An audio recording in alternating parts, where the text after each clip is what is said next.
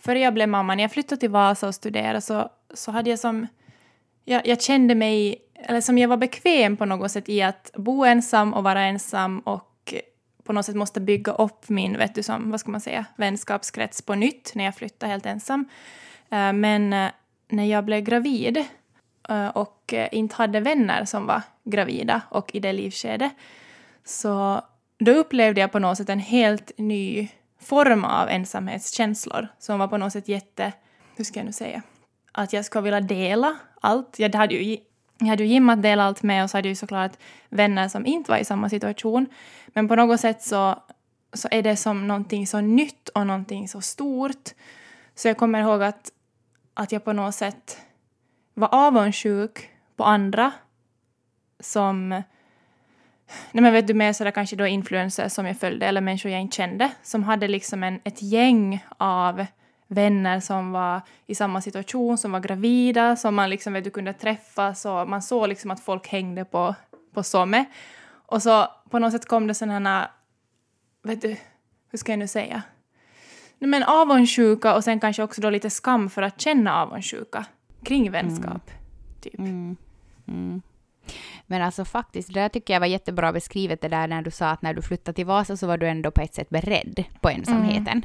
För då var det som att, att du flyttade till ett nytt ställe, du skulle börja en ny skola eh, och så vidare. Att man, då, då tar man lite för givet att, att det kommer att vara ensamt i början. Men just eh, när man blir förälder, så just så har man ju kanske många, många kanske har den här bilden just av att att det blir liksom mammagrupper och det blir häng med bebisar och man ser de här bilderna framför sig då alla radar upp sina bebisar i en ring och så åh vad är bebisar och mammorna dricker kaffe. Att man har liksom en annan förväntning på det. Och eh, det är också just vad vår lyssnare Josefin har skickat in i ett brev åt oss. Hon säger så här. Hej, jag är nybliven tvåbarnsmamma och jag känner mig ensam och kan inte alls njuta av att vara föräldraledig. Dagarna går i ett och den enda sociala interaktionen jag får är av min man och mina föräldrar. Jag hade sett fram emot att få nya mammavänner och hänga med dem i parker och dricka kaffe så länge barnen tar en tupplur. Men det blev inte alls som jag hade tänkt mig. Det skulle kännas skönt att höra om andra som känner likadant eller som befinner sig i samma situation som mig. Och det är just det här vi ska försöka prata om idag, för vi har frågat av er lyssnare om ni känner er ensamma, eller sen om ni har känt er ensamma och hur ni tog er ur det. Du lyssnar på Föräldrasnack med Karro och Rebecka.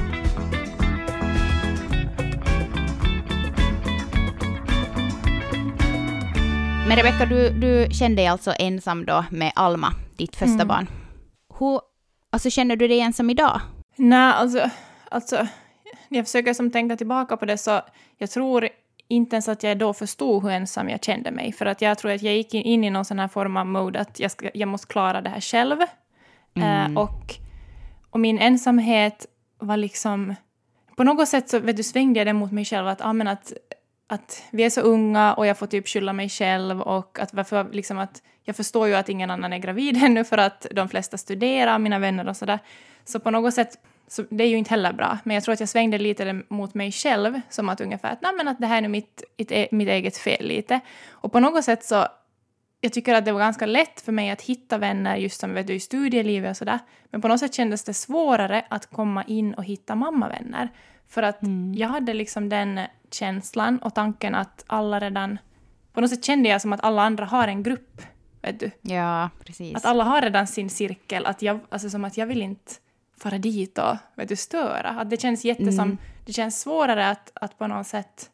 För mig kändes det svårare att våga liksom sträcka ut en hand då än när jag var liksom bara Rebecka och studerande. Ja, plus att när man är studerande så kanske man också träffas på fest och då är man ja. liksom så här typ räka och bara Vi är vänner! Ja, shit, börja följa dig på Instagram? Och bara så att, eh, okej, okay. sen dagen efter bara japp, två nya vänner igår. Nej, men inte riktigt.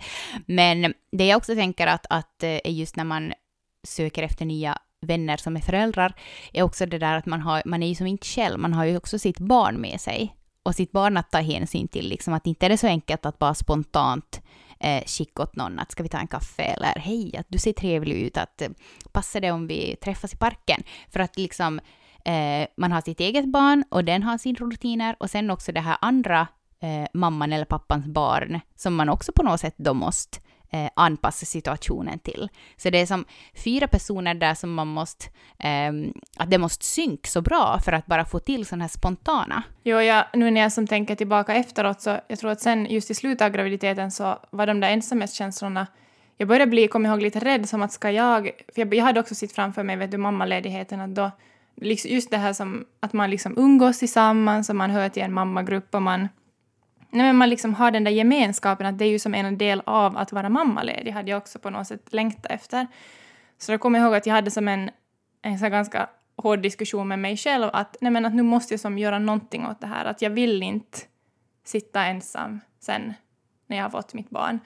Och, och jag tror för mig krävdes det ändå ganska mycket sådär mod, men jag är ju glad idag för att genom att jag på något sätt vågar kasta ut via den här rådgivningens då, liksom en ett meddelande. Så det i sig mm. sen resulterar ju i liksom viktig vänskap för liksom, som jag har idag. Men att ja, skulle jag inte precis. satt ut vet du, det med ett spöet, så ja. då vet jag inte, alltså jag har ingen aning om, då skulle jag ju säkert fortsatt ha varit i den där på något sätt ensamhetskänslan mycket, mycket längre och det skulle bara blivit svårare att mm. göra det. Mm. Och jag kan också tänka att just när man en gång har kastat ut med ett spö och fått napp så är det mycket enklare att kasta ut det på nytt. Men sen om man kastar ut det och inte får någon napp, hur känns det då? Det måste ju kännas riktigt skit. Men att man måste väl på något sätt våga kasta på nytt då bara. Men det som jag tycker är så på något sätt som känns extra svårt, eller som känns eh, på något sätt som att det är så mycket skam inblandat i att på något sätt känna sig ensam och att inte kanske ha nära vänner i samma situation i livet, speciellt när man blir förälder, för jag tycker att det är, det är svårt att förklara. Men på något sätt blir det som att, att det finns skam kring det. Mm. Nej men absolut.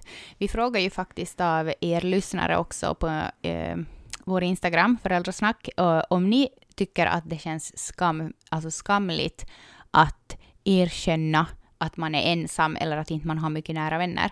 Och 70 procent svarar ja att det känns skamligt. Så att det är ju också det att då kommer det ju inte heller fram kanske alltid... Hmm. Nej men det där... Jag vet inte liksom att är det att man bara då är tyst och håller sig i bakgrunden eller att man då eh, typ fejkar att nej, men jag är typ inte ensam. Att jag... Allting... All good in the hood. Men jag tror att där är nog som sociala medier kan vara som både, vet du, bra men också jättedåligt på, med den tanken. Liksom att, att jag tror för mig har det också väckt, när jag, om jag just har sett att andra har ett gäng och man har det här på något sätt att, nej men att ett själv, inom situationstecken ett självklart gäng man umgås med. Så om man inte själv har det så väcker det ju eh, då dubbla känslor eftersom att det kan väcka liksom avund. Men samtidigt väcker det ju någonting att man skulle så vilja också ha det. Men samtidigt så känns det som att hur ska jag kunna komma dit? Och just sen att det då på något sätt blir skam för att jag har inte där men jag skulle så vilja ha det. Och att våga då erkänna det så kanske man visar ju kanske inte utåt heller utan att då blir det ändå som ett litet sådant, jag vet inte, som en skyddsmur kanske. Mm. Ja, men jag förstår precis hur du tänker. Tänk vad hemskt om det skulle vara så att man är i den situationen och så tänker, som, tänker man att nu ska, jag som, nu ska jag verkligen försöka samla ihop ett gäng. Och så bara slänger man ut sitt metspö och så får man typ tre på napp. Och sen så bara klickar man inte typ med två av dem. Men det är ju också en, en intressant fråga det där att när man känner att man inte klickar med någon, Ja. Att liksom... Det, ja, alltså det har jag också varit med om. Ja. Just i jakten på mammavänner. Mm. Och det är nog hemskt. Och sen, men det är också som att man kan ju inte klicka med alla. Det kanske också på något sätt blir lite tydligare ju, kanske också ju äldre man blir och ju mer kanske sådär trygg man är i sig själv och när man också blir då förälder att man kan inte klicka med alla för att jag tycker också att att det gick lättare före man hade barn och kanske just studera och levde ett annat liv, att ha liksom mera ytliga vänner, vad man kunde Precis. sitta och snacka man lite om. tid. Ja. Mm. Mm.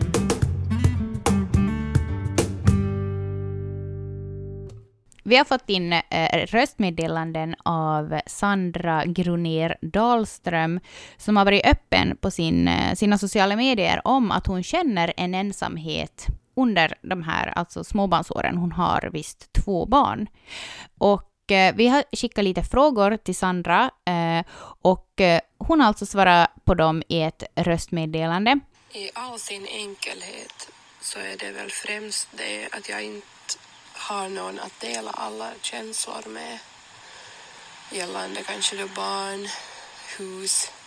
Alltså visst har jag ju en man och mina barn men det är inte ändå samma sak som nära vänner, någon som man verkligen kan jag vet lufta sig med. För jag tycker det är jätteviktigt att man får andas och lufta sina känslor hos någon som man inte bor med. Så det var kanske närmast det som skapar den här känslan hos mig. Um, det händer någonting, det kanske är jättebra eller jättedåligt eller ingenting där, alltså någonting där mitt emellan, något helt vardagligt som man känner att man vill berätta. Att man, och man vet att man får svar. Och man vet, jag vet inte, jag kan inte förklara det, men det är att man vet att man får svar helt enkelt, att det är någon som bryr sig om att svara, känner lite lika, kan skratta åt samma saker, gråta åt samma saker. Den där känslan av samhörighet på något sätt det är väl kanske främst det som för min del skapar den här känslan av att man är lite ensam när man inte riktigt har någon. Och hon svarar alltså där på vad det är som skapar känslan av ensamhet. Um, och ja, alltså vad bra beskrivet mm. av dig Sandra. Just det där att, att man skickar eh, och vet att någon svarar. Mm. Och att jag tänker just det där att, att ha någon att skicka åt. Um, och på något sätt veta också att allt det jag känner är okej. Okay. Att mm. man behöver inte ha på ett filter. Att det är ja, som precis. jätteviktigt att man, att, att ja, man men det där kanske också det. att man, kan, att man kan skicka utan att bli dömd, eller säg utan att bli dömd, och sen också det där att, att inte bli som typ missförstådd för att man ändå känner varandra så bra. Så att fast jag säger liksom att fan jag ska sälja mina barn idag, så vet ändå min bästa kompis att okay, hon kommer inte göra det. Att man måste inte förklara det där liksom att du vet ju att jag älskar mina barn, det, det, det, liksom att vissa dagar är så tunga. Och speciellt, alltså speciellt nu när man har barn och det är som att man, alltså barn är ju kul att prata med, eh, oftast, men man får ju inte så mycket utbyte av dem. Så just det där som, som du Sandra också sa, det här att man vill ha någon att prata med utanför hemmet. Alltså, utanför, alltså inte sin egen man eller sin partner, sin fru eh, och inte kanske då liksom sina barn, utan bara någon oberoende att bara få ventilera med.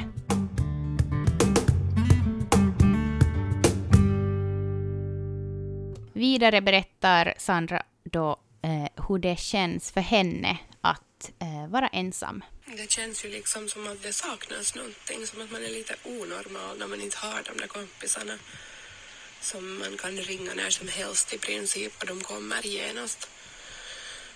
Eller träffas på kaffe. Det känns som att det saknas en del, som en viktig del av mitt liv.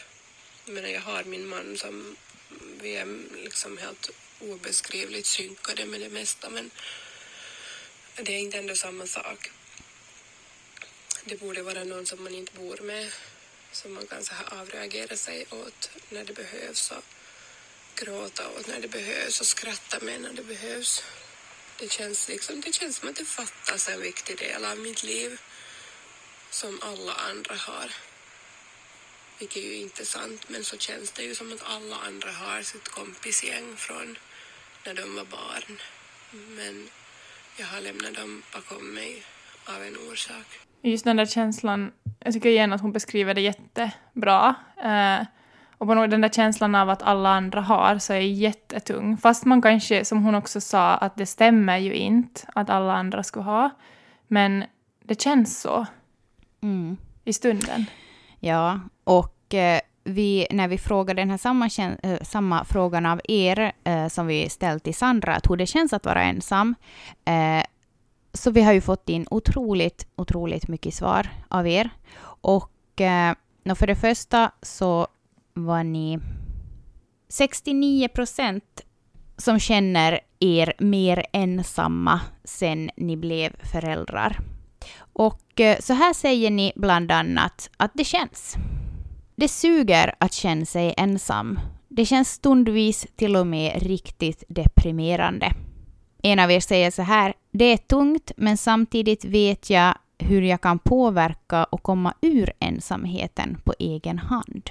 Det där är ju intressant, för det där tänker jag också att det är en viktig aspekt av det hela. Alltså jag vet inte riktigt hur jag ska säga nu, men som sådär just att det är inte heller något, liksom att, att man känner sig ensam, men att man inte liksom orkar göra någonting åt det. att det inte heller får bli det där som du kände när Alma var liten, att det är typ mitt eget fel.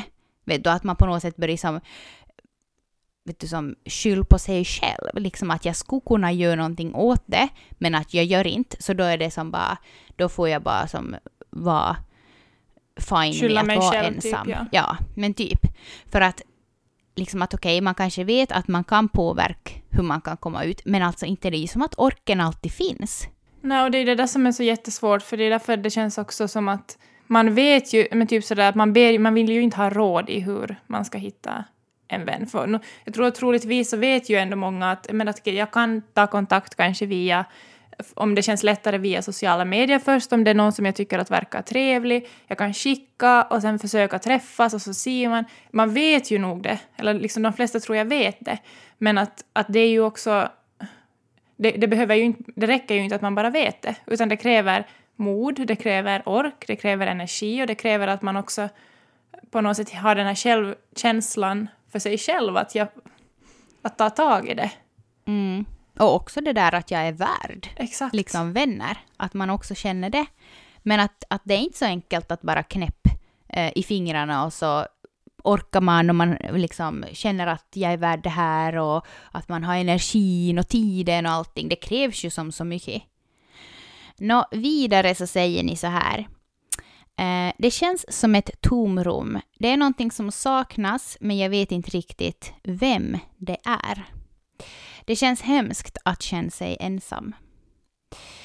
Eh, Emma säger allting blir tungt, men man säger det ändå inte högt, för då blir det som en ond cirkel.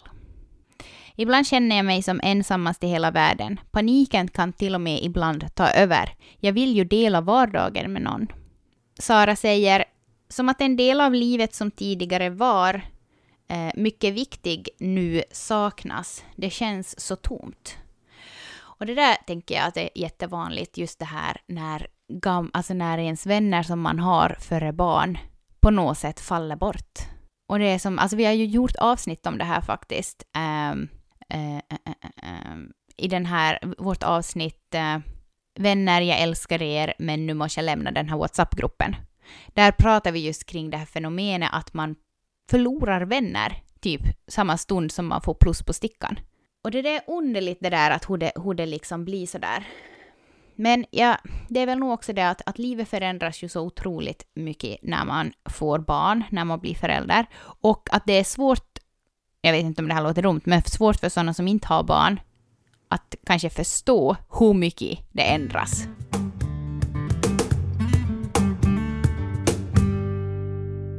Om man ändå ska fokusera på det där positiva så tror jag ju nog att sociala medier är ett, ett eh, jättebra sätt att få kontakt med liksinnade.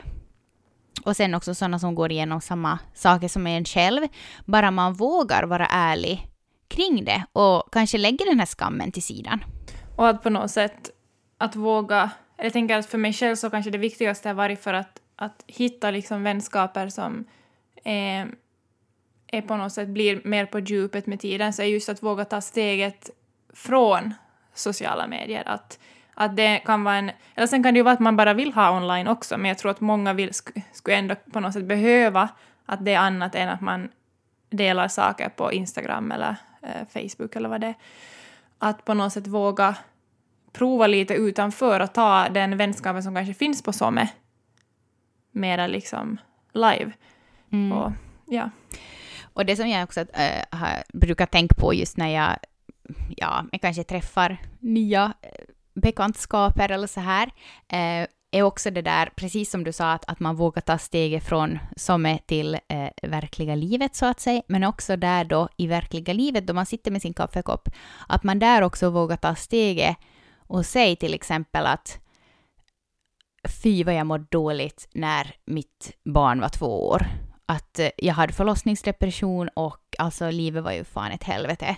Att jag är som...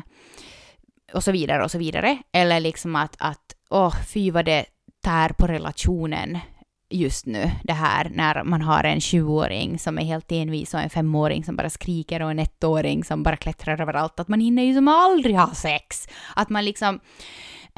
Men som vågar också visa sig sårbar då på något sätt. För jag tycker att då kommer man som direkt mer in på djupet och man känner av varann, liksom att var har jag dig, eh, är du en sån som liksom kan prata om sånt här och liksom att eh, när man visar sig sårbar så visar man också på något sätt att jag är öppen för att lita på dig och för att på något sätt ta dig nära mitt hjärta. Mm. Förstår du vad jag menar? Jo, och jag, jag tänker också när det kommer till nej men alltså känslor av vad man är... För, eller jag tänker ju alltid att det finns liksom någonting under ytan varför vi känner saker som vi känner. Och just kring, men kring ensamhet eller kanske vad man själv känner att man är värd och, och hela som bilden av vem jag är. Är jag en människa som har lätt att få nya vänner? Är jag en människa som inte har lätt att få nya vänner? Att det kanske nu känns som att ah, nej, jag orkar inte ta itu med det där. Men det kan också vara jättesom givande att fundera kring de sakerna. Att hur var det när jag var liten just till exempel? Att finns det någonting jag måste fundera, med, fundera kring eller få prata med någon om för att jag på något sätt har med mig den där tanken om mig själv eller den där låsningen, vet du, att, att den hänger med. Mm. det kan ju vara redan en sån liten sak som att ens mamma någon gång har sagt åt sin väninna typ att ja, Karro har nog så svårt att hitta kompisar i, i klassen. Att, att skulle inte du kunna komma hit med din flicka så de skulle kunna leka? Att man på något sätt hör det där och så bara lägger man den stämpeln på sig. Just precis som du sa, liksom att det finns sådana saker som inte man ännu har bearbetat inom sig, som på något sätt ändå är en spärr för en själv också i vuxna livet. Och speciellt om man bor på ett ganska litet ställe och man har haft en viss liksom, roll i sko under skoltiden, eller att man har blivit mobbad eller vad som helst som har varit som tungt. Så då, då tror jag att den, man måste nog säkert jobba jättemycket för att också få bort den där känslan. Och det tycker jag, jag kanske lite som rymde från Ekenäs när jag flyttade till Vasa. För att jag kände det så starkt på något sätt att jag var förknippad med liksom, vet du, min sjukdom och allt sånt. Men jag tror att om man, om man är kvar på det stället var man har varit så måste, och annars också så måste man ändå som jobba med det.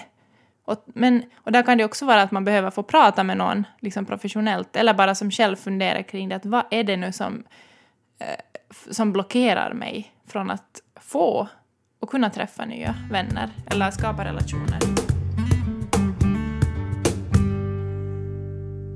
Härnäst så berättar Sandra om vad det är hon saknar mest det är ju inte så att jag inte har några vänner. Jag har två bästa vänner, men den ena bor i Korsholm, tror jag. Hon är just flyttat dit.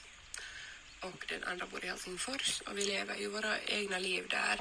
Så att jag menar, vi hörs ju med WhatsApp främst. Vi är ganska dåliga på att ringa när vi ändå har liksom, eller jag åtminstone har barn som de är magneter till mig när jag talar i telefon. Det går bara inte att lämna mamma ensam när hon är i telefon.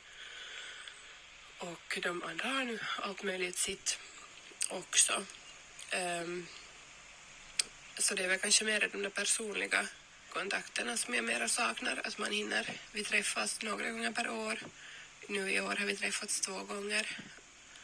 Och det blir ju sådär, men man hinner inte komma in på djupet på samma sätt när man träffas två gånger per år fast man är bästa vänner som när man träffas, vet du, för en kaffe bara en vanlig måndag. Um, alltså orsaken till att jag inte har några nära vänner egentligen är att jag har flyttat ifrån min hemstad Åbo och därmed nästan ganska gladeligen lämna bort alla människor jag flydde från Åbo kan man säga. Det fanns inte på det sättet någon som höll mig kvar där. Någon finns till alla er som jag ännu ibland pratar med.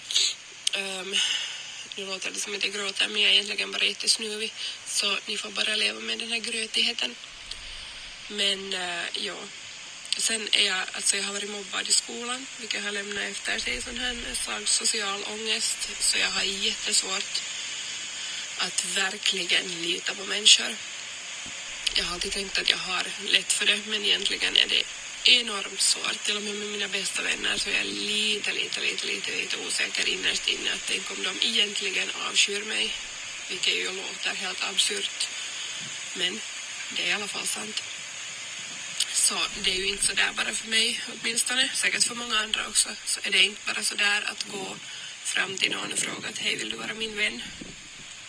Jag känner på något sätt att den lilla energin jag har extra från att vara tvåbarnsmamma och ha ett hus och en gård och hela faderullan, eh, den, den räcker inte till till att orka lära känna någon ordentligt ifall att det sen inte klickar.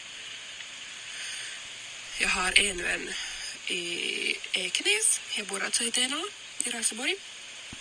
Och jag har en vän som jag brukar träffas med ibland. Men hon är också en helt, helt annan livssituation så hon förstår ju inte hur skulle hon kunna förstå hur det är att vara tvåbarnsmamma när man är singel och liksom inte har någon erfarenhet av det livet. Så det är ju alltså, vi klickar jättebra men vi kan ju inte prata så här jättedjupt om allt sånt som jag kanske känner att jag skulle behöva tala om. Um, men ja, i sin enkelhet så är det ju bara så att jag, jag orkar inte skaffa nya vänner egentligen. Men jag vill ändå ha dem. Gärna. Så if you feel att du är en sarkastisk människa som har barn och vill umgås, hit me up. Ni hittar mig säkert på Instagram. Um, ja, jag vet inte riktigt hur jag ska avsluta det här nu, men så är det. Jo. Tack Sandra för dina meddelanden. Och jag tycker att den där, bara just det där kring att, eller på, alltså nu hade jag ju också vänner när jag kände mig ensam. Alltså jag hade vänner från studietiden och jag har ju, de var ju som, de är mina nära vänner. Men just det där att ha människor som är i samma situation som kan ses på dagen, som kan, det är någonting helt annat. Så där är det också, där kändes, upplevde jag också på något sätt skamkänslor att jag kände mig ensam fast jag hade de där vet du, människorna ändå runt omkring mig från förut. Så det är nog som så många lager i det där.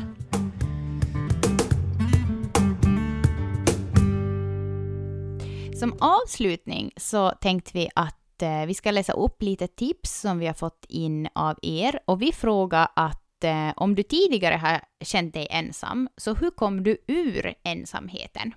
Eh, Emmy skrev så här.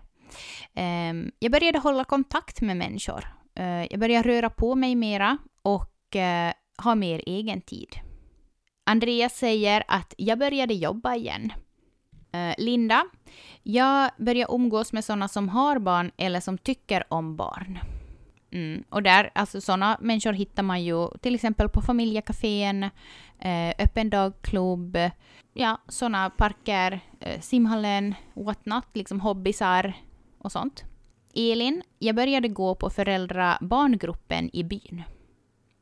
Emilia säger att eh, min ensamhet blev bättre då barnen blev äldre.